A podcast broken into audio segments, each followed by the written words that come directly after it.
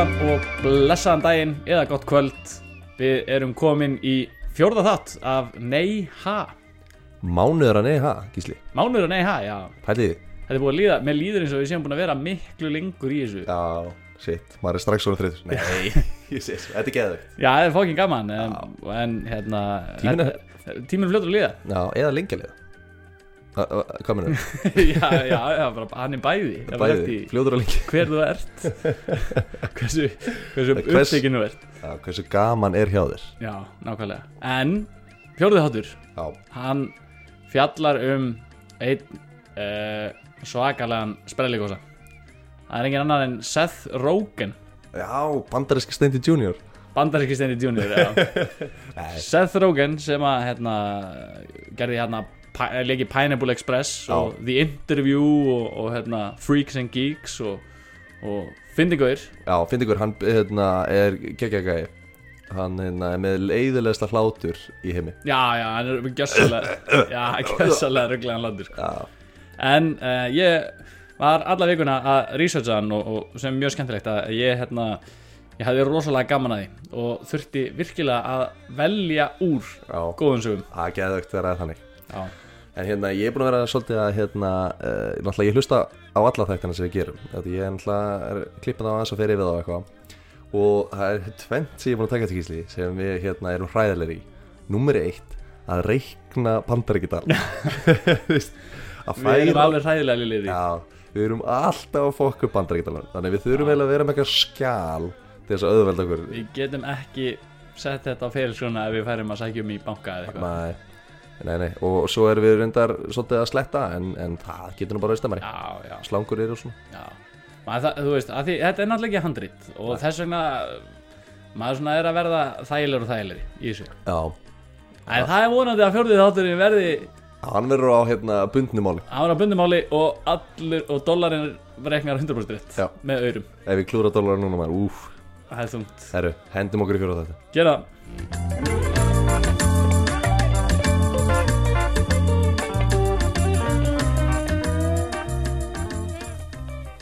það Hann er alltaf geðvægt, við erum núna að taka upp í um, ekki okkar hefbundna stúdíói uh, Við erum núna að taka upp í bara íbúðinu henni gísli. Já, Og það er fínt útsinni maður, maður sé perluna og allt. Já það er eitthvað sól úti. Já, Gekkja, Það er gott veður. viður Nú skulum við færa okkur á uh,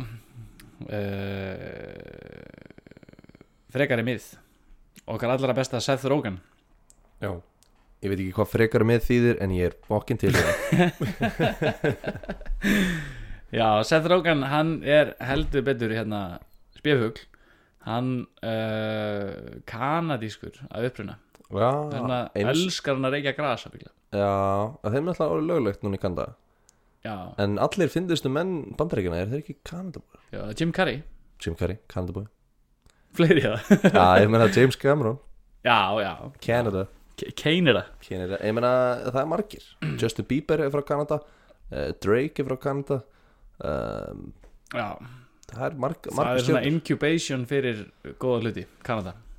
Já, það verður störa Þú veist, það er svona eitthvað við það að vera í svona frjálsu fallegu samfélagi og alast upp þar og fara svo og Í fjallaloftinu, Já, og fara svo að hyrða peninga alveg bara með beinstífan til bandrængana og, og rakin monnís mm -hmm. Herri já, Seth Rogen, hann hérna eh, kannski bara komst á kortið þegar hann var að- að leika hérna í, í Freaks and Geeks.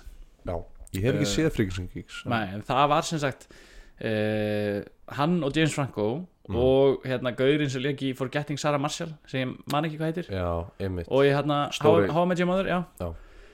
Jason Segel, Já, einmitt, hann heiti það. Þeir voru sem sagt saman hérna í Freaks and Geeks. Ok, eh, wow. með uh, já, Risa Crew. Og, eh, og þú veist, og þessi, þetta var seria sem var cancela eftir eitt season. En hefur svona, af því að hún var ekkert vinsæl en er í dag í raun og veru svona köld seria, af því allt þetta, þú veist allar þessar stjörnur eru svona sprungu út sko. Mm. og þetta er alveg frekar finnir skemmtilega þættir eitthvað svona há, háskólalíð eitthvað sem er nautað og, og hérna þannig að hann byrjar þar uh, og, og sá sem að gerði það þætti heitir Judd Apatow sem að er frekar svona Hann er leikstjóri. Hann er leikstjóri já, Já. Og, og, já, og skrifaði þættina.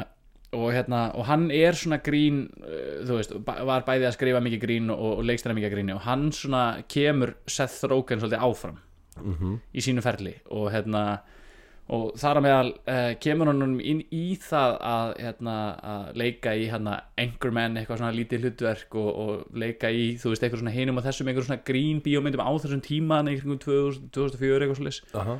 og hérna og Seth Rogen kem síðan í sko writing eða sko skrif teimið fyrir Dali G show.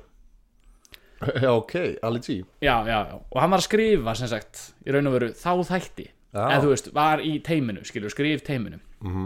og, og var búin að vera að gera eitthvað svona uppistand og eitthvað. Og, og svo hérna e, bara gera hann fullt af frábæra myndum. Superbad og hérna og hérna Pineapple Express og, og er í öllu þessum myndum.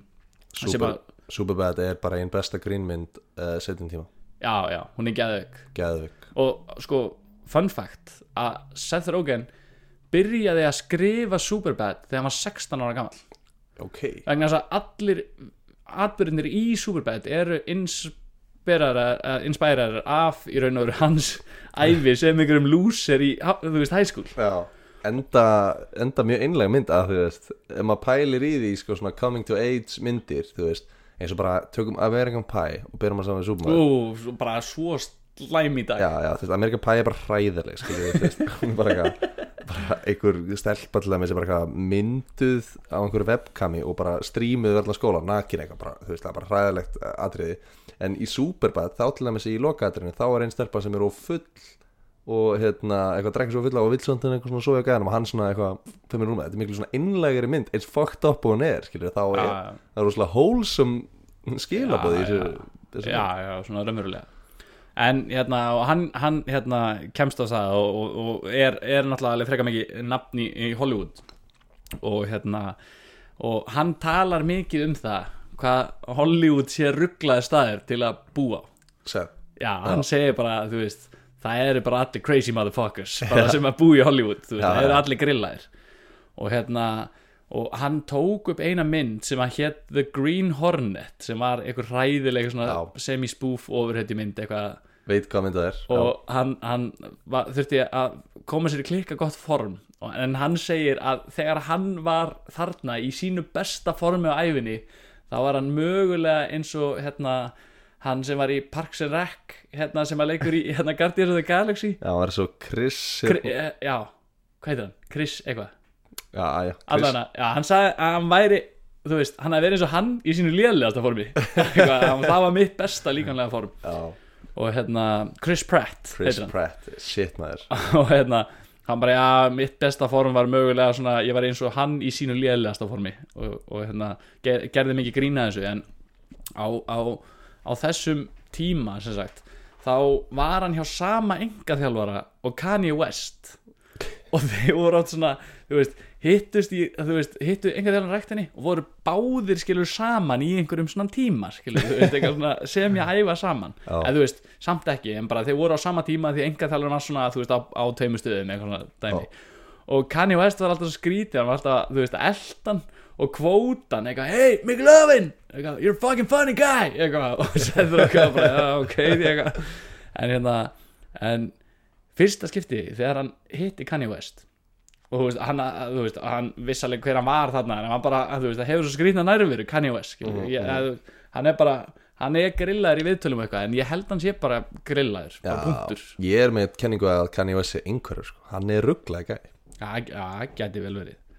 Og fyrsta skipti sem hann hittir Kanye West og þá er hann út að hlaupa bara í Hollywood eitthvað, hann er eitthvað út að hlaupa. Já, Kanye West leipur fram hjá honum og öskar bara, you're a funny motherfucker! Og, og, og hann bara eitthvað, var þetta Kanye West þú veist, það er ekki alveg viss. Og hérna og svo nokkur dögum setna þá er Seth Rogen að halda eitthvað brjála partí heima á sér og hérna og bara eitthvað partí sem er fram á nótt og endar í eitthvað eftir partí og vaknar morgunin eftir. Bara bila þunnur eitthvað og það því að það dinglar bjallan dýrabjallan og konan hans eitthvað og það er svona dýrasími skilur hún svarar eitthvað í dýrasíman og bara já, halló. Og bara já. Ha, ha, út í körfubolta?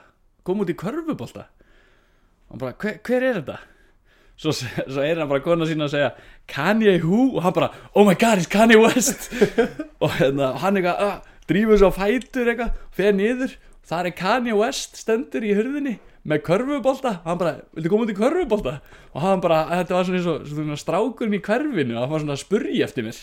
Já, og hann bara, ég er allt og þunnur til að fara í körfubolta. Og ég á svona sagði bara að hann hafi verið bara svona genuinely bara leiður að hann hafi ekki viljað að koma með sér út í körfubolta. Og hann bara svona, þetta var svo skrítið að því að þú veist þetta hafi ekki verið spurt eftir mér síðan ég var í grunnskóla og svo já. bara næsti maður til að spyrja eftir mér Kanye West, komið til körfubolta. En pæliði, allt þetta fólk vinnur fyrir sjálft sig Þannig að það gerir bara það sem maður vill. Já, já, Þannig að já, hann er bara, þú veist, þetta er bara eins og krakkar. Já, já, sjálfsögðu.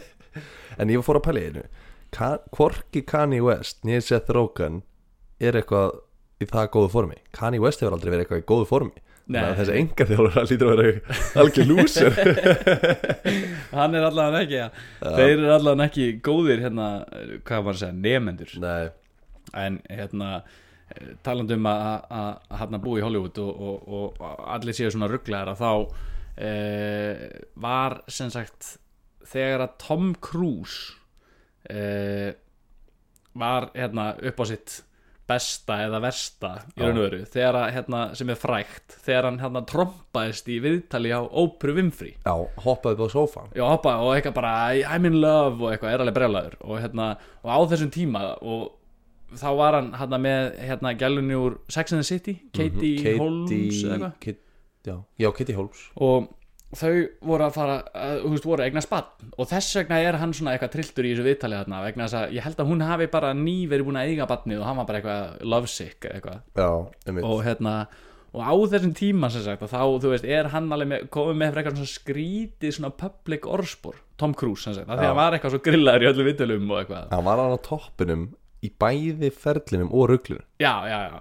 Að- það bara svona skaraðist alveg. Já. og hérna og hann sem sagt eh, á þessum tíma eitthvað mjög skrítið að þegar að Tom Cruise er að lendi í þessu þá bað hann fullt af grínistum að koma á fund með sér.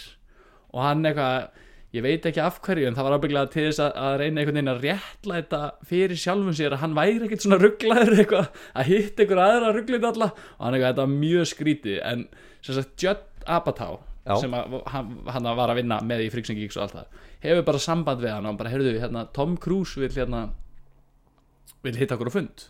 Bara, bara bjóða okkur í bara bjóða okkur í kaffi. Og hann bara, já, ekkert mál. Og, og þetta er hann bara tveimur vikum eftir að hann var hann búin að vera að hoppa á sófanum og, já. og hérna Búin að lesa eitthvað um sig á Google. Já, já, og, hérna, og dóttirinn fætt og það var ekki búin að sjá mynd af badninu það var ekki komið í slúðublöð þannig að það var komið svona fullt af svona þú veist svona slúðri um bara hvort það væri raun og veru til þetta badn og eitthvað, það var eitthvað algjört svona bull eitthvað. Shit. Og Seth þarf að fara að hitta hann í fyrsta skipti og, og kemur, þú veist, og hann er með svona gett svona langt, langa innkesslu langt svona driveway, eitthvað svona gegnum garðinn hans eitthvað svona. Og Seth Rogen er bara að pissa í sig.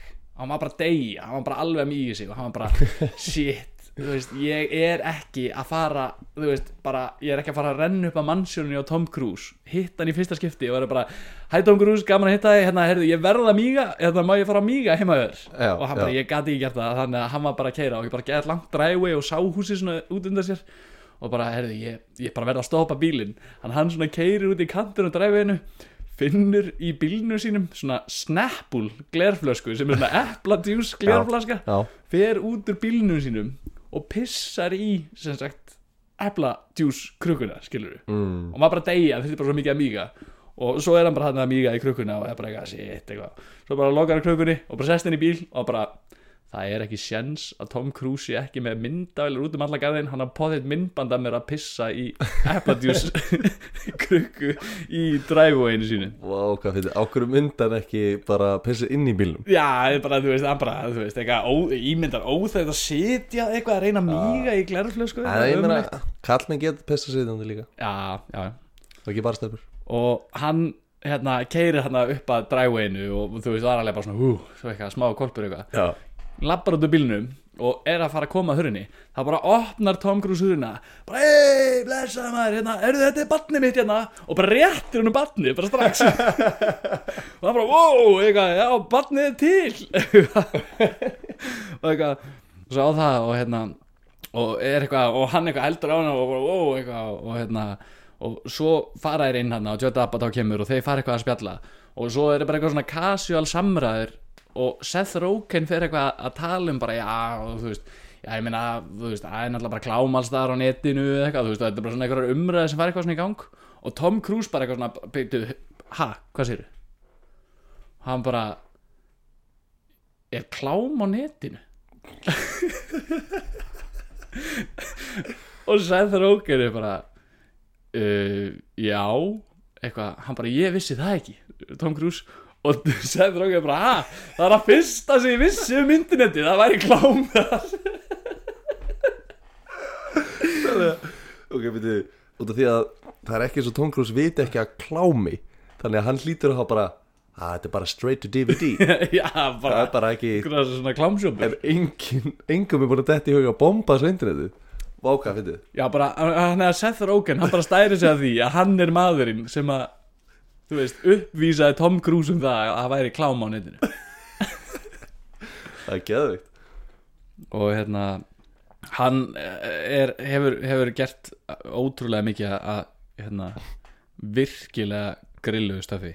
Og hérna, þegar að, þegar að hann, hérna, þegar hann var átjánara, Já, þá, hérna, þá á hann sögu sem semst þannig að hann tók svo mikið að eitulifjum hann, hann enda í öðru landi. Ha, hann sem sagt fór með hérna besta vinni sinum til Amsterdam þegar þeir voru átjánara já, og hérna og þeir eru bara komin í Amsterdam og bara fullt af fólki út um allt og eru bara í miðbæja Amsterdam og þeir bara eru, verðum að kaupa sveppi. Og á þessum tíma sagði hann að hann var vanur sko, hann var alveg vanur því að borða sko svona sveppi sem voru þurrkaðir skilur svona ofskynuna sveppi og venjulega eitthvað og hann sagði bara já, maður borðaði bara þrjú grömm af þessum þurrkuðu sveppum og þá var maður bara alveg ruglaður.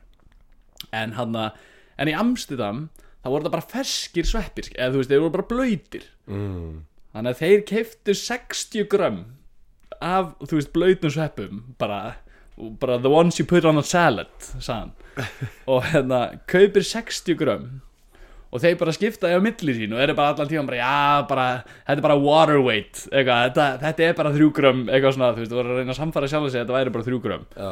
Allavega, þeir fara í búðina kaupa þetta og borða sveppina hann bara 30 grömm af sveppum á mann. Shit. Og hérna og voru bara með brála plana þeir ætluðu bara að fara í hérna, búðina og, hérna, og kaupa eitthvað í svona piknik og fara í garðin og chilla svo bara í garðinum eitthvað nema svo bara eru þeir í búðinni og þú veist og þeir voru bara vanir því að þessi þurrkuðu sveppir að myndi bara taka þú veist klukkutíma að kikki í gang eitthvað svona. Nema þeir bara lappin í búðina og þá bara koma sveppinni bara og bara hitta og bara eins bara brjálaslega hart bara og mögulegt getur skilur. Og þeir verða bara alveg gjössalega rugglar og eru bara í búðinni að kaupa bara eitthvað ruggl, bara brauð og tannkrem og þú veist sólavörn og ananas og voru bara að kaupa bara eitthvað skilur, Já, og þeir voru já. bara, við verðum bara að komast inn út og, bara, og hann bara, svo bara löppuð hann út og, og, hérna, og fórum og settum upp mjög skríti piknik eitthvað bara með tannkrem og keftu bara eitthvað drast batteri og eitthvað fór í garðinn og þeir sitja hann og félagi hann sest eitthvað niður og er alveg bara rugglar, er bara eitthvað að rúlla sér á grasinu og hann bara hann eitthvað, er bara klikka í magan og er alveg bara, bara drepast í maganum og hann sagði bara af því að þú veist, þetta eru eitraði sveppi sko, þannig að ég var að drepast í maganum sko. og hann bara stendur upp og lappar á ferinn á eitthvað kaffjús á einhverju hodni og kemur bara og, og bara lappa inn og öskra bara að koma inn bara ég verði að fara á klósettið og þeir bara já. Og rössi honum inn á klósettið þú veist eitthvað dráðfullt kaffjús og hann fer á klósettið og segist að segist að vera á klósettið í klukkutíma og hann bara I didn't even know if I went or not. Og hann bara, bara gerði svo mikið rugl á klósettið í klukkutíma og ég bara eftir klukkutíma var ég bara ég hlýt að vera búinn á klósitun ég hafði samt ekki hugmyndu það þú veist það var að segja þetta. Svo bara kemur hann fram, lappar út það bara klikka mikið að æla og ælir bara ógeðslega mikið á jörðina og það bara slettist út um allt og hann er bara alveg í röglinu eitthvað. Svo bara, svo lappar hann í garðin og þá sér hann svona piknikið og allt rastlið og eitthvað. Svo sér hann bara félaga sinn bara liggja á grúfu á jörðinni skilur bara eins og, bara hann var bara dauður skilur bara face down bara í grasinu bara hans. Hann bara fuck. Lappar á honum, hristir hann bara alltaf í lægi hann bara snýr sig við, hann bara we have to leave. Og hann bara ha? Hann bara, já ok, já, hann förum á hosteli hann bara no, we gotta leave Amsterdam og hann bara já ok og byrjar að ganga frá og félagast bara panika, hann bara it all og hann bara, já, og þeir eru eitthvað svona alveg þýlíkt eitthvað, lappa niður á lestastöð og bara, já, förum bara förum bara til Parísar og kaupa bara miða og fara í lestin og eru bara, þú veist, bara þýlíkt eitthvað hrættir eitthvað, svo bara eru þeir bara, þú veist, eitthvað, lestin frá Amsterdam til París tekur eitthvað, þú veist, 5-6 tíma eitthvað. Svo bara, um kvöldið þá eru þeir bara að renna inn í Gardu Nord bara í París og eru bara áhrifin svona dvína og bara why the fuck are we in Paris? Og þeir bara svo ógeðslega bombaðir að þeir bara vissi ekkert skilur þeir voru bara bara fóru bara allt, skildi allt rastlið sitt eftir sko, bara fóru til Parísar. Já. voru bara, þú veist, eitthvað þurftu bara að tilbaka baka já, þau bara tóku næstu lest tilbaka. Shit, hvað þetta fyndið. Ég líka bara svona, eins og þú varst að lýsa því þegar maður lappaði inn á hana kaffehúsið þá bara eins og að, þú veist, bara get down Mr. President. Skilja þetta er bara svona I need to use the fucking bathroom. Yeah, bara come with me. Bara, hann hefur lappað hann inn og fólki hefur bara séð panikið í augunum bara, bara, dr- þú veist við annarkur drullu þessu manni inn á klósett en hann drullar yfir allt já. hann, hann lísti þessu svona wow. og hérna það sem, að, það sem hann hérna er, er uh, sérstaklega þú veist hann, hann á rosa marga sögur eitthvað svona reynslu sögur af því þegar hann hérna reykti gras eða borðaði hasköku eða Já, eitthvað svona. hann er frægur fyrir reykja gras. Já, já, hann bara elskar reykja gras. Ég sé eitthvað svona gif eða, svona vídeo eða eitthvað af hann á netinu þar sem hann er með eitthvað svona gravity bong sem ég veit ekki hvað er að hefa aldrei en það er basically þá eitthvað með svona vatn í svona uh, þú getur ímyndað þér svona uh, þú veist svona tímateljara með svona sandi í skilur svona hvað heitir þetta? Já, Svo stundaglas. tí, tímaglas, já, Já, stundaglas hann er með svona þannig nefnum einu meinir bara marihuana reykur og hinu meinir vatn og svo er, svona, er hann eitthvað svo snýr hann þessu við og þá fer vatnið og íti reyknum bara inn í því og þannig að bara reykur út um allt. Til þess að verða bara eitthvað rugglar hann er, hann er náttúrulega alveg rugglaður hann elskar gras. Og hérna það er fræg saga hérna úr Pineapple Express. Já, sem er mynd bara um gras. Já, sem er bara mynd um gras. Bara Pineapple Express er bara heiti á held ég grasi eða eitthvað. það er Og eitt af þessum hérna- frægu grösum. Heita sem frægu grösum. Og hérna og James Franco var með honum í, í Pineapple Express. Mhm. og, og sko máli er að þeir eru að taka upp myndina, myndi fjalla bara um gras og eitthvað. Þeir voru bara oft bara bólufræðinir á settinu sko. Að, taka, að bara að leika Já, eða þú veist, svo þeir, þú veist, já, þeir voru bara að leika, en voru samt bara freðnir, fattar og hérna, og, og myndin er að svona ákveðnu leiti svona hálfgerð spunamynd, eða þú veist, það er sögutráður en svo er mikið að því bara, þú veist, mikið að eitthvað svona ruggli sem gerðist, það er bara eitthvað svona eitthvað hugmyndir eða eitthvað línu sem þeir átt að segja og hérna, eitthvað datt í hug og hérna, og síðan á Seth Rogen afumæli sem sagt, að meðan tökum stendur. Já, og gaman að segja voru því að 15. apríl. Og hérna mm. Þeir eru búin að vera í tökum bara allan daginn eitthvað og hérna og, og svo bara eftir eitthvað daginn á bara að fá því sér inn að jónu eitthvað og hérna og verða að klikka svangir og bara hann að krúið eitthvað og allir eitthvað að fara. Og James Franco segir bara heyrðu, við verðum að fara á uppbóls pizzastæði minn hérna í LA og ég bara, já, bara, þú veist þeir bara bólu skakkir alveg fókin til í að borða pítsu. Já, og hérna, þetta var eitthvað, þú veist, þetta er bara eitthvað svona joint eitthvað, þú veist, eitthvað downtown LA í, þú veist, eitthvað hotni, þú veist, í eitthvað, þú veist, eitthvað hlýðagötu, eitthvað svona bull og, eh, þú veist, bara eitthvað, eitthvað svaka pizza sem er eitthvað, víst, eitthvað uppáhalds pizzastæður James Franco. Og hérna, og þeir fara inn og borða pítsu og koma svo koma svo út af pizzastæðinum og standa eitthvað hérna fyrir utan eitthvað að hlýna. Þá kemur bara gaur upp að Seth Rogen og segir bara kottum með úrið og og hann eitthvað ha? Og, veist, og var bara að tala við Seth Rogen bara kottum með úrið. Og hann eitthvað ha, hvað meinar og og tekur gaurinn upp byssu og miða bara á hann. Shit.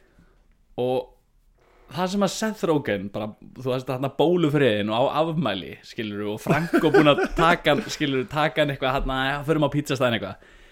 Hjælt, þú veist, horfir eitthvað Franko og Franko er bara eitthvað að klikka hrættur eitthvað. Hjælt að James Franco væri að fokki sér skilur við, eitthvað búin að ráða eitthvað gaur eitthvað. Hann er að Seth Rogen fer bara í hlátuskast skilur, bara trompast bara á já, og bara, og gæinn bara stendur hann með byssuna bara, ertu ekki að grínast eitthvað? Bara, ég sá úrið á pizzastæðinu, bara kottu mig úrið. Og Seth Rogen bara í hlátuskasti og James Franco er bara, heyrðu, látt hann fá úrið, látt hann fá úrið. Það er bara, I'm not falling for this eitthvað. Bara, þetta er bara, þetta er bullshit, skilur eitthvað, rosa fyndið, eitthvað og svo bara gæði bara, bara trekk í byssuna og bara James Franco, hann bara, heyrðu ég er bara, ég er ekki að grínast, látt hann hafa úrið og þá bara einhvern veginn fattar Seth Rogen að þetta er ekki joke, skilur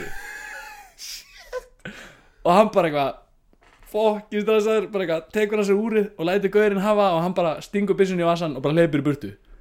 Og svo bara stóðu þeirra hann bara fokking skelkaði, bara horfandi á hvernig hann og Seth Rogen og bara þetta er ábygglega hættulega aðstæð sem ég nokkuð tíma lendi í og hann bara og ég held að það væri verið að fokki mér skilur, hann bara trúði þessu ekki hann held bara að Jason Franco hefði bara búið til eitthvað leikri Vá maður, trillt. Hellað. Trillt.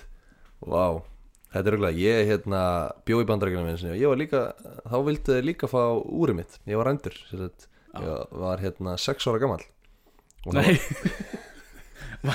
At gunpoint. Nei, það var ekki í byssa, það var hérna það var einhver eldri strákur sem lappaði upp á mér og sagði hérna, geðu mér úrið þetta, ég vil ekki vera vinniðin og ég var bara gaf hann úrið. Á- að- fyrir mig var bara hræðilegt, hann vildi ekki vera vinnu minn. Þannig að ég, já, Kolbur svo var alltaf var aldrei vinnu minn? Skilur hann, hann rændi mig, já, en já. Bara bandarækinn maður. Þetta er ljúsár saga. Það er hérna talandi um hérna Kanye West. Já, vá, þá er hérna allar góða sögur. Alla góða sögur byrja á Kanye West. Já, og hérna sko árið 2013 að þá gefur Kanye West úr plötu sem heitir Jesus.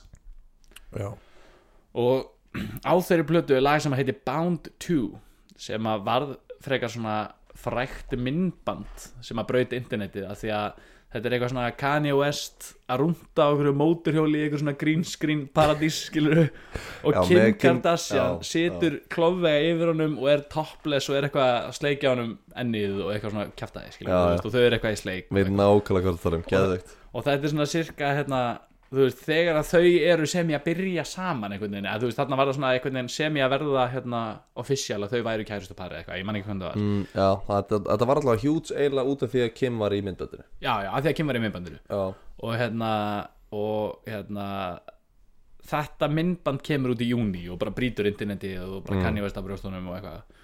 Og nei, nei, hérna Kim Kardashian, og þú veist, eitthvað, Ah. ber í þessu myndbandi og eitthvað. Kanye West með, með fett hits og því að ynga þjálfarin er ekki að reyfa nóg mikið. ekki að standa sig í stikinu.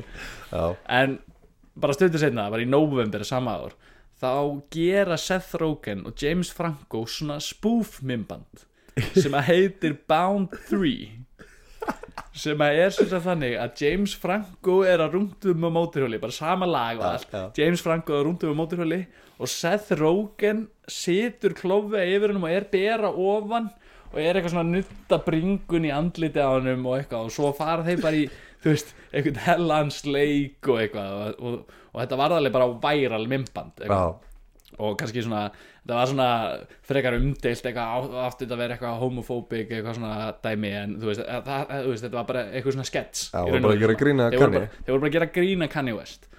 Og hérna og stuttu eftir mymbandið að þá hérna var Seth Rogen með konunni sinni í New York. Bara, þú veist, þannig bara eitthvað þú veist, eitthvað, eitthvað stuttu setna og hittir Kanye West í lobbyinu á hótelinu. Já, ok. Var ekkert búin að hitta hann síðan hann gerði spúfmum við Nei. og hann var bara ógeðslega stressað bara shit, hann var bara að berja mig sko, búin að hafna honum í köruboltanum líka. Já, já, já, og hérna og, og hann lappar upp og hann sér hann bara lappar gett aggressít af sér. Og hann bara hann bara, "Vá, hann er bara lemja mig skilur, og það var bara ekki stressaður. Og hérna, og Kanye West lappar á hann og segir bara hey man, you're fucking funny. Og hann bara, do you wanna hear my new album? Og hann er eitthvað, ha?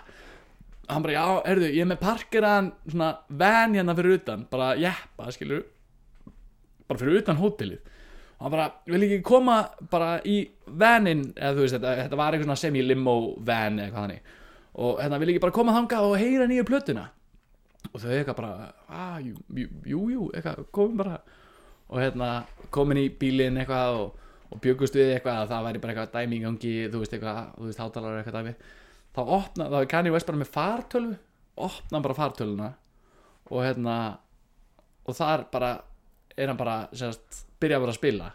Nefnum málið er á fartölunni voru bara beats skilur þú veist, Já. það var bara svona þú veist, beat, beatin eða þú veist, soundtracki og ekki, engin texti Nei. þannig að Kanye West rappaði bara, þú veist, heila plötu bara nýju plötuna sína bara 14 lög bara spiluðu bara beat sín úr PC-tölunni og Kanye West var bara að rappa og hann sagði bara þetta var svo intimate skilur og bara svona eitthvað í einhverjum band og hann var bara þú sitjandi bara 30 cm frá mig bara í einhverjum sæti. Og, veist, og hann var bara að rappa skilur með allan textan og bara lag nummer 5 og ég var bara svona á ég að horfa í augun á þeim eða þú veist á ég að vera að brosa veist. Og hann sagði þetta var svo skríti moment vegna þess að þú veist maður held alltaf að þetta væri bara svona alveg að vera búið. Svo var þetta bara lengsta plata sem ég hýrt á æfinni bara 14 lög eða eitthvað. Ég og meina, hérna 14 lög þrjár myndir per lag skilur, veist, þetta er bara 45 mínútur sem við sátum í þessum bíl. Já, já, og ég meina, þú veist þau eru öll samt fimm mínútur lögin, sko, að hann var bara í bílnum í tvo tíma, skilur. Og hérna, og hann sagði bara þetta var svo erfitt og maður var svona horfa í augun á hann og svo bara, nei, þetta er eitthvað skrítið eitthvað, og það var sem sagt platan sem var hérna Life of Pablo, sem kom sér nú 2016 Pítu, er ekki bara eitthvað mega gospel eða eitthvað? Jú, jú, jú, bara Ok. allt dæmið, skilur og þau bara, hjónin bara lusta sándrakið úr PS-tölu og Kanye West bara sitandi á móti þeim í einhverjum jeppa, skilur og er að rappa alla plötunan fyrir þau. Sí, og hann bara, hann eitthvað, já, ég elska Kanye West eitthvað, við erum, við erum mjög góði félagar. Og hann, fun fact að hann reyndi að fá James Franco og Seth Rogen til þess að að vera, þú veist, að leika eftir parodíuna í brúðköpunu þeirra. Og þeir bara, uh, nei. Ha, pítu, live rendition af mótjólaparadíunni í brúðkopinni og Kanye West og Kim já, Kardashian. Já, og bara eitthvað að Seth Rogen væri bera ofan í sleik við James Franco í brúðköpunu á Kanye West Why the fuck not, skilur, að þú veist, ég er bara svona what a missed opportunity skilur. já, þeir voru bara neini bara vildu það ekki, sko. Já, kannski er það að finna í, í hérna, hugmynd eldur en það er í framkvæmt já, en, en váka það er fyndið. Já, mjög fyndið.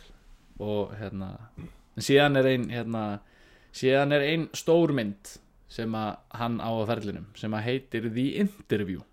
Já, og hérna Norður Kóriu myndin. Norður Kóru myndin og þetta er frekar hérna crazy bara, þetta er bara alvörinni fakt að þessi bíómynd sem að James Franco og Seth Rogen gerðu sem heitir The Interview sem fjallar um það að það fara tveir nautaðir gaurar til Norður Kóru eða bóði til Norður Kóru til að taka viðtali við Kim Jong-un mm -hmm.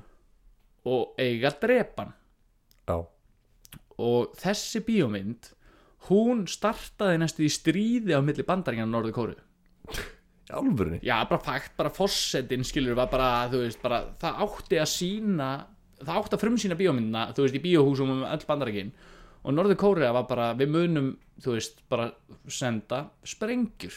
Þú veist, við munum bara, það verða bara, þú veist, bara svona sjálfsmársprengjur sendar í öll bíóhúsin. Þannig að bíómyndin var ekki lonsuð, heldur var henni lekið á internetið. Mér rámar eitthvað í þetta Já, bara, þú veist, þetta er bara crazy dæmi, skilur, og þeir gerðu þetta bara og Forsetin var alltaf að tala, þú veist, hann var ofta að tala um þetta bara, þetta var, þetta var bara dead serious dæmi, skilur, og þeir voru bara að gera eitthvað grínmynd, og stu, sko, þeir voru með personal security sem að Sony Entertainment bara borgaði fyrir, skilur, og bara með lífverði bara hjá sér. Ef að það kæmi bara árás frá einhverjum norður kóru einhverjum njósnurum eða eitthvað og þeir voru bara, þeir voru bara skítrættir meina bara Norður í bandaríkjunum skilur bara, að því að það var bara búið að senda þeim bara, ef, ef að þið gerir þessa bíómynd þá munum við bara að drepa ykkur skilur, það var bara búið að senda þeim morðhótanir og, og alls konar og sprengjuhótanir í bíóhúsin og þess vegna að myndinni leikið sín á neti. Og eins og hljómar að einhverju svona njósnarar á þessari öld myndi dreipa einhverju gæja það var, það voru njósnarar sem drápu einhvern gæja í Tælandi einhvern norður kórujumann sem var eitthvað bróði Kim Jong-un eða eitthvað, ég man ekki hvernig það var. Já, já. og það kom einhver kona eða eitthvað og kist hann á munnin Já, og var með eitra var eitthvað, og, og, og hann dó.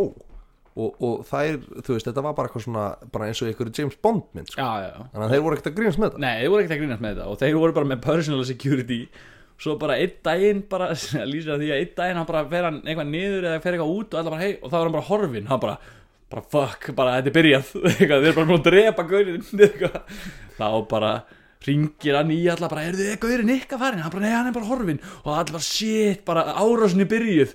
Þá bara Sony Entertainments bara hættir að tíma að borga fyrir security, bara kóla Já. alla í burtu þannig að þið voru hættir að hafa bodyguards. Og hérna, en í myndinni, sagt er frábært atriði.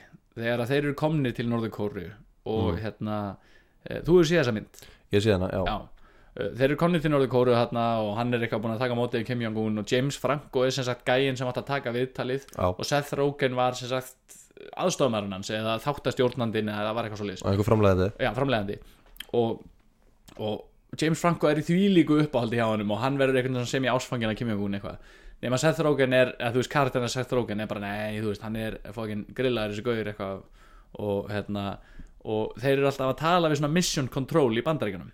Og þetta er á, þetta er atriði sem er þannig að þeir sem sagt eiga að fá sendingu af, frá einhverjum dróna af einhverju eitri sem að hérna er skotið til þeirra og Seth Rogen er eitthvað svona eitthvað atrið sem hann er komin eitthvað út, út þú veist, utan fyrir húsið eða kastalan eða eitthvað og er að, þú veist, að fara á eitthvað svona fíld að því að drónin á að sleppa sem sagt, hérna Með flugvél. Já, með flugvél. Eins og, eins, og, eins og hljóðið. eins og hljóðið sem við vorum að setja inn bara út af því að við erum alls ekki að taka þetta podcast undir flugvelli. Flugvéli, nei, Nei.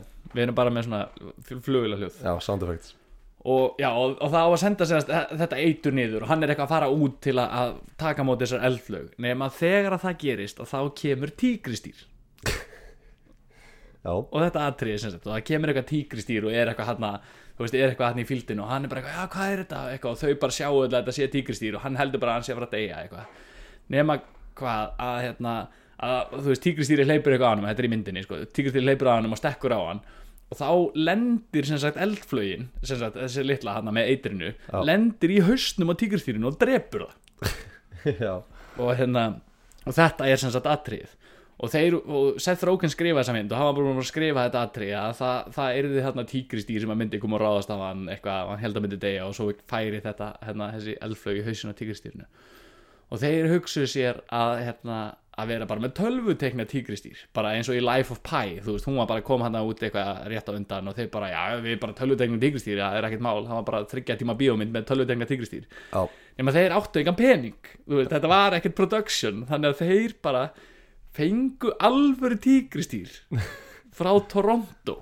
Þú veist bara, þú veist, tölu við kanadist tigristýr já, kanadís tígristýr og það var miklu ódýrar heldur en láta tölvu tegna og hann var bara eitthvað, þú veist, eitthvað fer að tígristýra þjálfurinn og bara já, hvaðan fegstu tígristýrið og þá sagði hann bara, já, frá strippara í Toronto.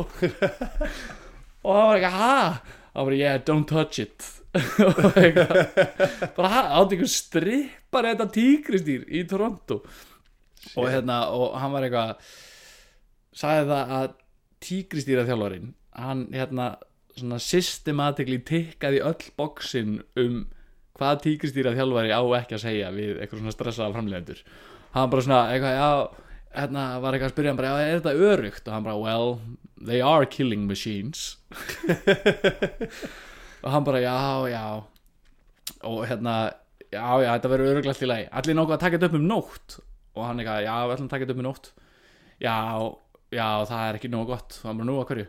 Já tígristýr eru svona 30 til já þau veiða nóttinni og hann bara ok já þau eru 30 til 40% hættulegri á nóttinni eins og það sé mikil að tölfræða á bakveða og, og hann sagði mitt bara ha, byrju, hvað er baseline danger tiger danger, skilu, þú veist, veist 30-40% ofan á hvað? Hvað er baseline með hversu hættileg tígristýr er? Já, og hérna og hann eitthvað, já ok það það, hérna er, þetta verður allt í lagi svo lengi sem þetta verður ekki eitthvað big open space.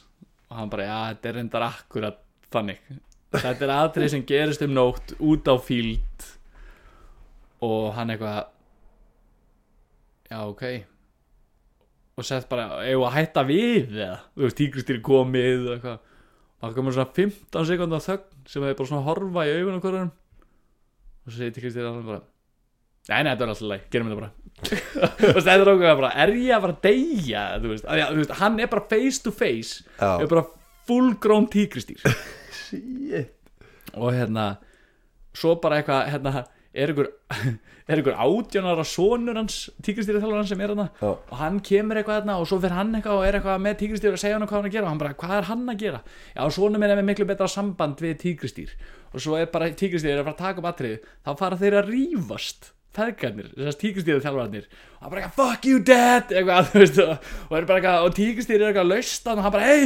Eitthvað, hérna, við þurfum að, við erum að taka upp aðrið með tíkristýrinu og þá fóru þeir bara eitthvað að rífast um hvernig tíkristýri þetta að vera. Og hann bara, ég var svo vissum að tíkristýri myndi dre drepa mig. Shit. Að það- það er Þetta er munilega bara sekundir skilur bara, já, já, það er bara rétt aðeins að býta um hálsina þar þá er þetta döður. Já, bara döður. En það slasast enginn, Nei. En hellað þetta var annað heldur að sjá fyrir sér að hann var búin að sjá fyrir sér að þetta er bara eitthvað tölutekna peasy ef- Það væri bara eitthvað að fara að glíma við eitthvað grænan kall. Já, og svo var hann bara að glíma við bara 200 Já, kíló 200 kíló kött. Kött sem, sem, sem var ekkert eitthvað svona Hollywood kissi eins og kannski í fyrsta þættinum skilur þetta var bara einhver kanadískur stripparkissi Já, já, bara Mike Tyson tígristýr og hérna já en eins og ég sagði hann þá eru, eru, voru ymsar sögur af þar sem hann hérna búin að fá sér eina luxus sigarettu, eina Jamaican. Eina Jamaican og hérna eins og ég þá hérna átt hann flug og vilja snemmi morgun og hann var klikkað þunnur af því að hérna hann drekkur mikið, það var útskýringin hans. Ég meina hann er grínisti. Og hérna klika þunnur og hann held að það veri gæði góð hugmynd að borða brownie með svona jurta komponent eins og hann sagði sjálfur Já. til að redda þingunni og þetta er bara, við erum að tala um bara fjögur morgun eða eitthvað fimm í morgun. Og hann kemur á flugvöllin og er bara klikka svangur og fer á Burger King. Og þar var eitthvað svona þú veist, hambúrgari mánaðarins eða eitthvað svona nýtt feature sem að hétt The Angry Whooper sem var bara eitthvað piparostur og jalapeno og eitthvað svona ghost chili sósa og eitthvað og hérna og starfsfólki var bara are you sure? Eitthvað, og hann bara já já þú veist. Og svo bara horfði á þau grillan og þau settu bara hambúrgar á disk og það bara bráðunaði disk og þú veist var bara lýsa eitthvað að þetta væri fucking sterkur já nema hann bara rústar hambúrgaranum og, og fer sér hann í flugvélina og sopnar bara strax. Nema hann segir það alltaf þegar hann er þunnur þá svitnar hann bara klikka mikið mm. og þarna var hann bara búin að borða skilur, sterkan hambúrgar, klikkast brjálaðan hambúrgara skilur, og var þunnur og búin að borða hasköku og fer að sofa og hérna og svo er hann bara hérna e, eitthvað bara sofandi og að dreymi eitthvað bara klikkar umörulegt og e, þú veist, er ábygglega eitthvað búin að vera að rimja og eitthvað þarna. þegar hann er bara vakin af flugfri sem bara hrista hann og er bara Sir, sir og bara vakna hann eitthvað hvað þú varst að fá flogakast. Og hann bara ha var ég að fá flogakast? Og bara, bara strax að bara öskar af flugfræðan bara "Er læknir um borðið eitthvað? Og það bara já ég er læknir. Og sæð þrókinin bara ha nei ha var ég alveg að fá flogakast? Og svo kemur læknirinn bara er allir lægi með því eitthvað bara tjekka hann og hann bara heyrðu ég nei ég ha nei ég var, ég var ekkert að fá öruglega ekki að fá flogakast. Ég var bara að borða ógeðslega sterkan hambúrgara eitthvað og gæin eitthvað sem var læknir hann bara, mm, já, ég er nú ekki alveg viss um það eitthvað, og við erum nú að passa þetta eitthvað, og eru að drekka nú mikið af vatni og er eitthvað að kíkja í augun á hann, hann bara, nei, mér, ha, þú veist, ha, ég var ekkert að fá floga, eitthvað, hvað ruggli er þetta, skilur? Ég er ekki vissum að segja bara jalapeno sinn og systeminni hjá þér. Já, já, þú veist, og hann var bara eitthvað hann svo eitthvað fer gaur inn og hann eitthvað lítur á konun sem setur hlýðina og hann bara fekk í flogakast og hann bara I don't think you had a seizure, sir. Eitthvað, hann bara, what? Svo eitthvað svona sem ég gleymir hann eins og bara eitthvað fer í tölvuna og eitthvað og, og svo bara lendi flugilinn og eitthvað. Og þá kemur flugfræðan til hans bara áður en að öllum er leift að standa upp og bara, já, bara allir bara please be seated. Flugfræðan kemur til hans bara, herðu bara paramedics eru mættir. Skilur, bara sjúkralegarnir eru mættir. Já, þeir lappa inn í flugvélina sjúkraliðarnir og, bara, og hann eitthvað ha?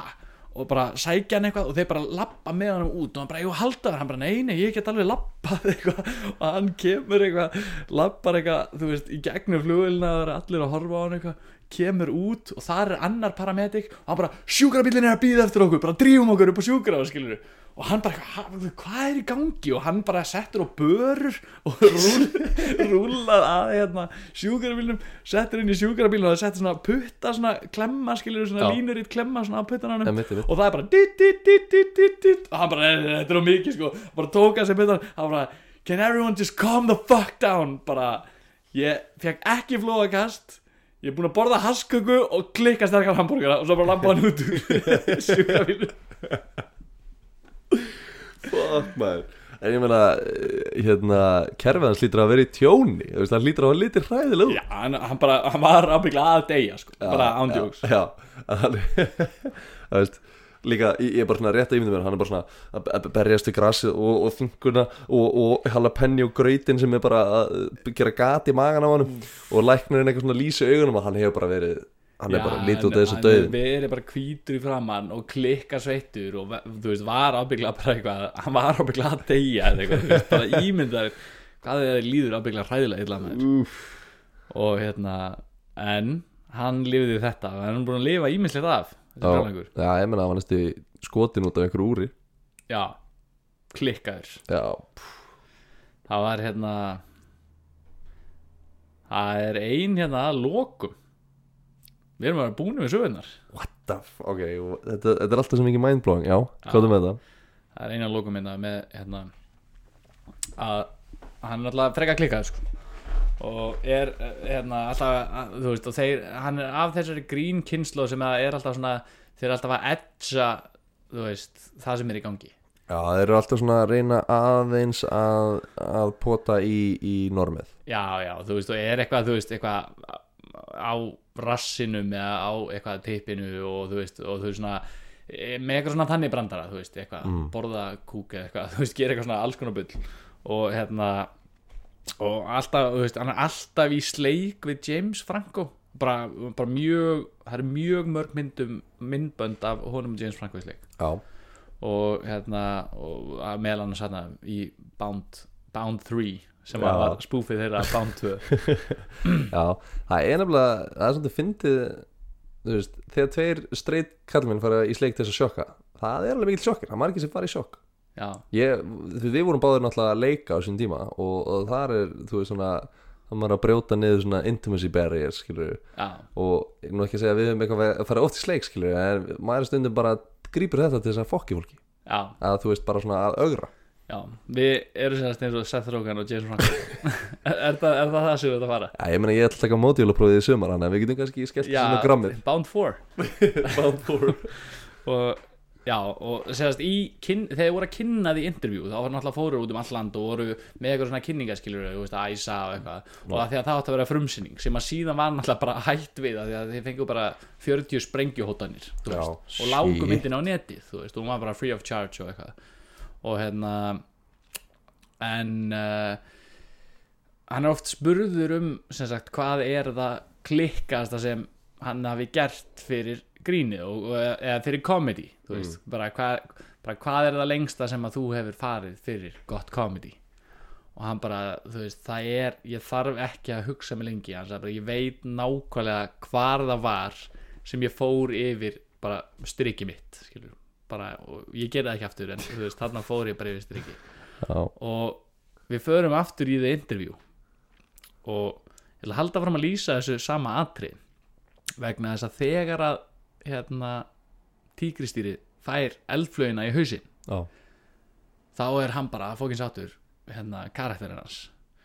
Og hann hérna tekur eldflögina nema svo heyrir hann að það eru að koma sem sagt laurugluverðir eða einhverjir Mm, gauðra sem voru í kompándinu já, og þau sjá það hérna á einhverjum myndælum og hann bara, heyrðu, þú verður að fela eldflögina og, og hann bara, hvað á ég að gera? Og það er bara þú verður bara að, þú veist tróðan upp í rassinnar og svo er hann bara hérna uh, þú veist, þau eitthvað svona talan í gegnu að þú veist að hann er í svona talstöða sambandi og þau eru bara, the tip is the worst og eitthvað, og hann er eitthvað hann eitthvað ótrúlega óþægilegt langt atrið þar sem hann er svona að reyna að tróða eldflögin upp í rassinna á sér eitthvað svona, þú veist, Já. í myndinni og svo kemur koma þú veist, öryggisverðinir og allt brjálað og hann er bara tekið inn og strippaði niður eitthvað á herbergi og þeir eru eitthvað brjálað þú veist, halda að hann sé með eitthvað. Og þá var hann alltaf búin að fela eldflögina þarna upp í rassinum á sér. Svona lítil eldflög já, og hérna nema það er svona atriði það sem að kemur svona hundur þú veist sem að átti að þefa svona að rassinum á honum.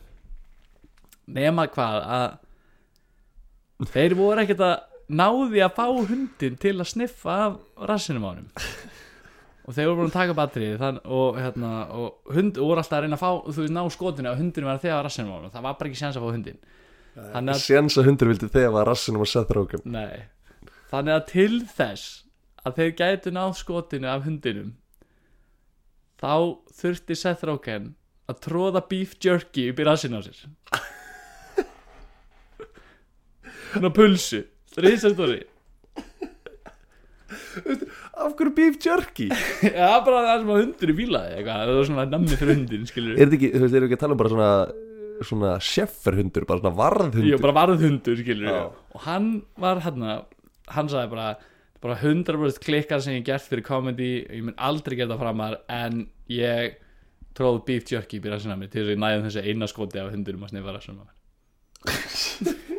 Erum við að tala um in the end Já, bara, að bara inn í rassin, skilur bara beef jerky biti. Oh my Til þess að fá gott snif Og það myndi ekki sjást. Vá maður. Bara og hann sagði bara og það versta er að ég var leikstjórnum myndir hann ég get ekki kvartaði neitt, skilur þetta er mín hugmynd.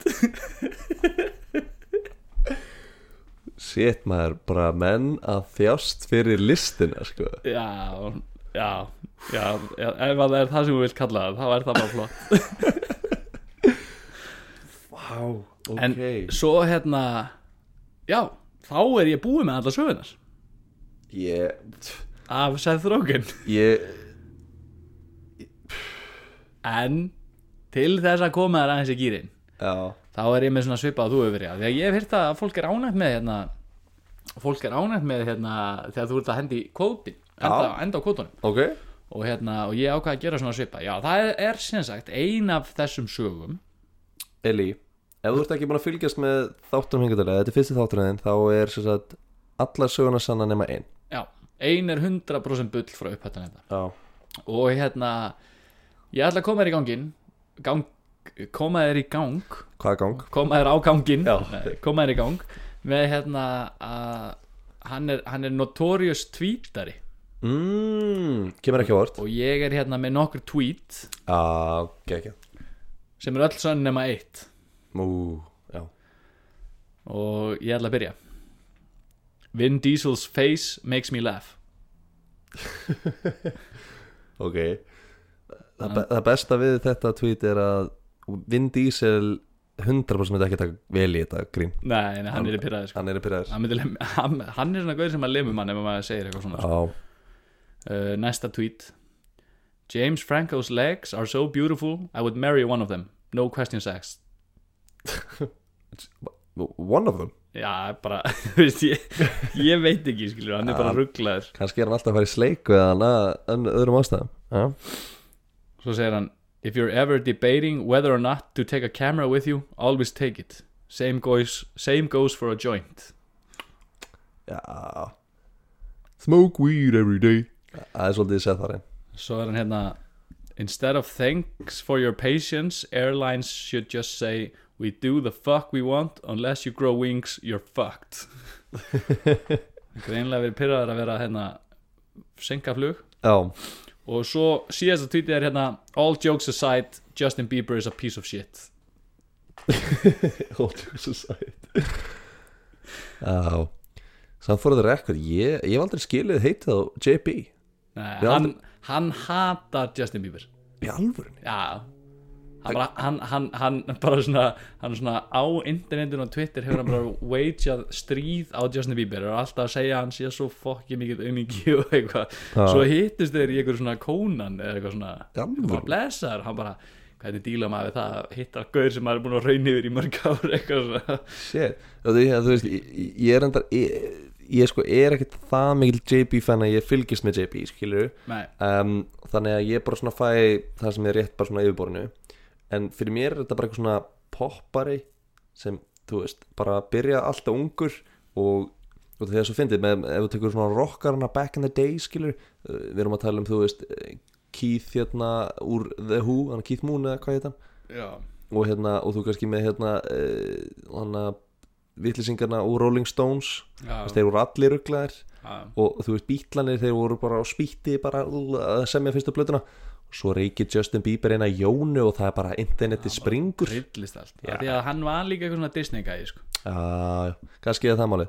En eitt af þessu kvotum er pull já, eitt af þessu tweetum. Uh, Vin, Diesel's, Vin Diesel's face makes me laugh.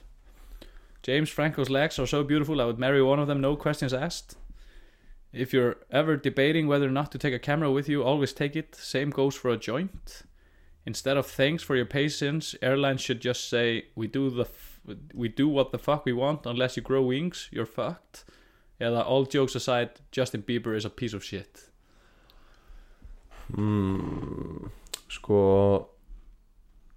ég veit ekki, sko mér finnst ekkert fyndið við Vin Diesel ef Vin Diesel myndi reyna að vera fyndið, mér myndi ekki finnast það fyndið Nei, en einhvern veginn finnst mér Seth Rogen líklega til að segja þetta þannig að ég er að pæla ég er að pæla að segja svona að flugkvotið sé bull flugkvoti sé bull. já, Flugkvoti er ekki bull. damn Það er James Franco's legs are so beautiful I would marry one of them, no questions asked. ég hefði þetta Mér fannst svo steikt eitthvað Marry one of them I'd marry one of French French Jankos. French Jankos. James, James Franco's legs. French Janko. En, jæja, Já, nú þarf þú að fara að giska á hvaða saga. Og heldur það sé Olsen. Tjöfull er þessi leikur erfið hann er hellaður. Ég hef búin að vera alla vikuna eitthvað bara, hvað, þú veist. Að að þetta er ógeðslega erfitt að Mm. bulla bara einhver söga vegna þess að eins og við tölum um í dag að hún verður að vera trúverðug en hún verður að vera ótrúleg. Já, á sama já, tíma. Þannig að, viltu fá hérna Já, recap, fær ríka, bara snögg herðu James, nei, hérna Seth Rogen og Kanye West er með sama enga þjálfara og fyrsta getið sem hann hitt hana þá hérna var hann út að hlaupa og hann öskraði hann you're a funny motherfucker. Og svo nokkur dögur setna þá dinglaði hann og böði hann út að leika í körubólta Já, eins og, eins og að þeir væri bara nýjóra já. Síðan eftir það þá uh, fóru við í hérna Amsterdam söguna, Mm, er það já, ekki? jú. þegar hann var var átjónar að fótt til Amsterdam og þeir borðuðu 30 grömm af sveppum hvor og hérna hann þurfti að fór í búðina og keftu eitthvað alls konar random drasl tangkrem og brauð og ost og sólavörn og hérna og svo ruttist hann einu veitingastað að því að hann þurfti að fara á klósetti og var þar klukkutíma og var óviss um það hvort hann hefði yfir höfuð kúkað eða pissað á klósettinu. Já, og kom svo út og fann félaga sinn FaceTime í garðinum og hann ítti við hann og hann sagði we gotta leave Amsterdam. Og þeir keftu miða með lesti Parísar. Þessi, þessi vissi og lesa voru hann hann er bara lappað félagi sínum dauðan bara með allt þetta niður. Þú búin að hristra með hann Snýsi við, we need to leave Paris. Og, og síðan var uh, næsta saga er hérna þegar að hann fór og hitti Tom Cruise mm. uh, eftir að Tom Cruise var búin að missa það í ópru uh, var að keira upp á húsinu hans og þurfti að pissa svo ógeðslega mikið þannig að hann fór út og fann snappulflösku í bílun sinum og pissaði hana. Og svo um leið og hann kom þá rétt hann rétti Tom Cruise hann og nýfætt badni sitt, Suri og svo fór þeir inn og ég svona casual spjalli minnist Seth Rogen á það að þessi klám á internetinu og Tom Cruise er bara mindblown það er bara ekki hugmynd um það. Og eins og Seth Rogen sagði bara ha, það er það fyrsta sem ég viss um interneti væri að væri klám á internetinu Vissi ekki að vera klám á hann er að Seth Rogen er sá sem að kendi Tom Cruise að það væri klám á internetinu. Þess vegna hefur hann róað svo mikið eftir þetta. Já. Uh, svo var það þegar að- Seth og James Franco uh, voru að taka upp Pineapple Express og Seth Rogen átti afmæli og James Franco fóð með hann á eitthvað svona pizza joint í LA þar sem að þeir voru uh, rændir fyrir utan á gunpoint en Seth Rogen hjælt að uh, James Franco hafi sett þetta upp þannig að hann, þeir voru báðið freðinir og Seth Rogen fór í hlátuskast en þetta var bara alvöru þjóður og vildi fá úrið hans og hann réttur um úrið og gæðin hljópi burtu og Seth Rogen held ég fram að þetta væri örglega hættulega sem hann lendi á æfinni uh, síðan uh, er það tígristýrasagan úr The Interview. Að þjálfarinn var með strippartíkristýr frá Kanada þjálfur með strippar tígristýr frá Kanada og var að sagði allt sem hann átti ekki að segja. Sagði að, að tígristýr veiða nóttinni þau eru killing machines, þau eru 30-40% hættulegri að nóttinni og mega alls ekki vera í open space. Og Já. þetta var allt það sem að þeir voru að gera. Uh, Tígristýri á ranglegin hérna hefur bara lesið handritið og bara svona ákveð að fokka í Sethrogan síðan uh, er það sagan um hérna, þegar að, að uh, þeir gerðu spoof af Bound 2 James Franco og Seth Rogen og uh, Seth hittir Kanye West á hóteli uh, stundu setna í New York og hann býður hann í jeppan sinn fyrir utan hótelið og rappar alla Life of Pablo og orfir augun á hann með hann í tvo klukkutíma með beats á, á fartölu Já, og hérna og síðan er það sagan þegar hann vaknaði klikka þunnur og var að fara í morgunflug og borðaði hasköku og svo Angry Whooper og var vakin í flugulina flugfreyjunni og hún sagði að hann hafi fengið flóakast og þegar að flugulina lendi að þá byðu paramedics eftir honum og setja hann í sjúkrabíl. Og já. Síðan uh, síðasta sagan er svo að klikkast sem að hann hefur gert fyrir comedy var í the interview þegar að eftir að hann tróð rækjandi upp í rassinu á sér og voru að reyna að fá hundin til að þefa rassinum að þá þurfti hann að tróða beef jerky upp í rassinu á sér til þess að ná einu skoti af sjefurhundi að sniffa rassinum á sér. Úf, ég Ég er bara, bara, vandraleg fyrir að hönd að lesa það maður. Vá, ok Og svo bara að búin á skotinu Ok, takk að bara- 30 manns að vinna og svo bara herri, ég ætla að tósa núna litla svona kryddpilsu bara út af essin á mér. Fokk maður. Ok, þetta er ógislega rétt ég sko um, við hefum svona svolítið gert að vana okkur að, að svona velja nokkrar og, og velja svo út úr. Mm. sko að, að Tom Cruise hafi ekki einu sinni vita að það væri klám á internetu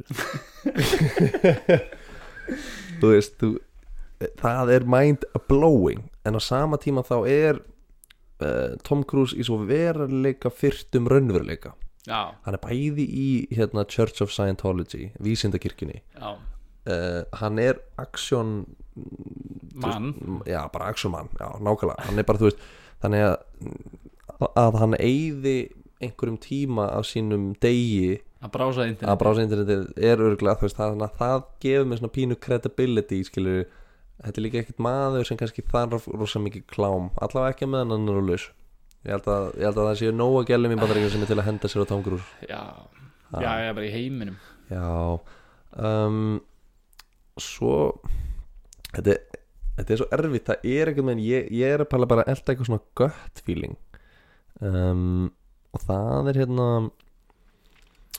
Ég er að pæla að gíska á að ranga sagan sé með flúvilna þegar hann hérna paramedic sem koma út af því að það var einhvern veginn bara svona ég ása ert maður að trúa því að þeir hefðu reynd að bruna nú á spítala það getur vel verið að setur okkur hafi litið bara það hraðal út og þessi flugfrið hafi verið alveg samfær skilur það er búin að ringja bara Já, búin á að- jörðina já skilur, bara, herri, er, bara ég þessi gæi er að að að deyja.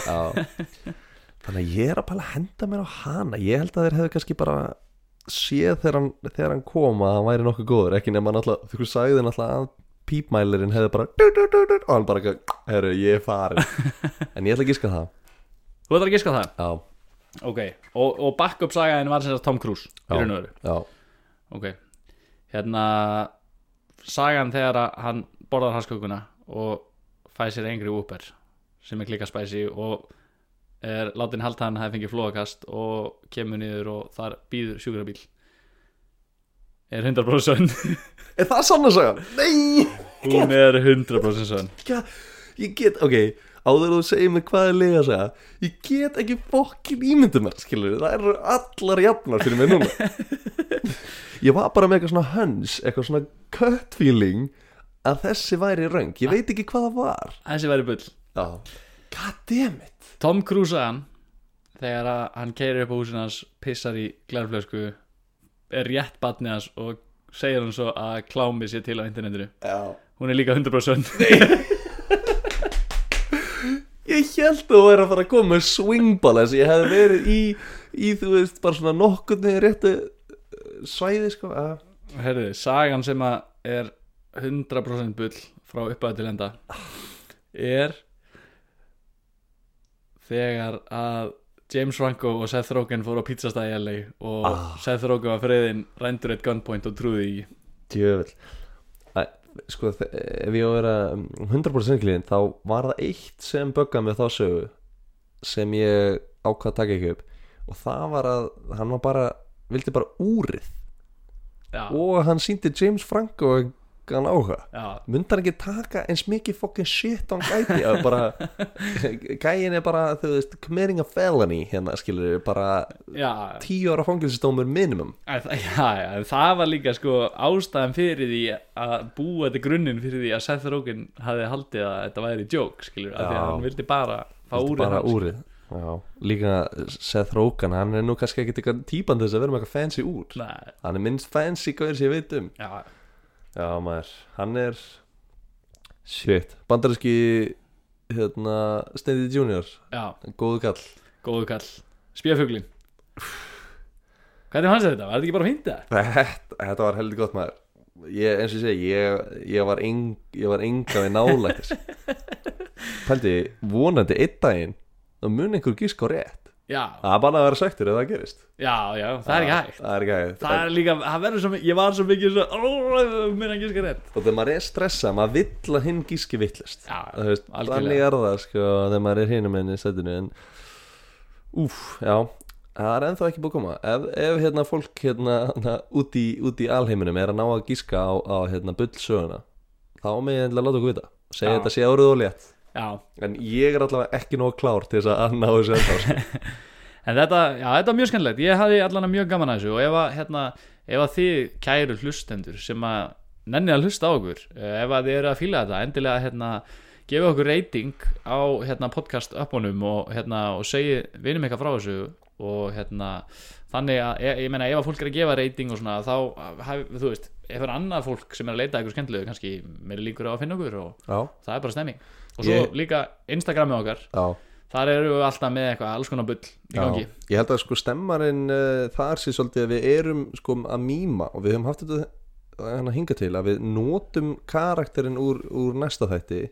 Að sem Já, næsti til, að, til að æsa sko. Já, og, og við reynum að, reynum að búa til eitthvað svona twist mím, íslensk mím já, til þess að koma því í gang. Og það, það er stundum fyndið, stundum ekki fyndið. Við Já. erum bara að gera okkur besta. Og svo höfum við náttúrulega tekið upp á því að vera með eitthvað svona alls konar öðru sér sprellarna. Þannig að, að endilega fylgjast með því sko. En hérna, kærarnar ég bara þakka þér fyrir hérna á, á, áhlustið já herru, takk fyrir mig maður. Einn daginn á ætla ég að ná þér. Ég ætla að ná að gíska á búlsitið. Já, ekki strax. Ekki strax. Já, við, við sjáumst. Takk fyrir okkur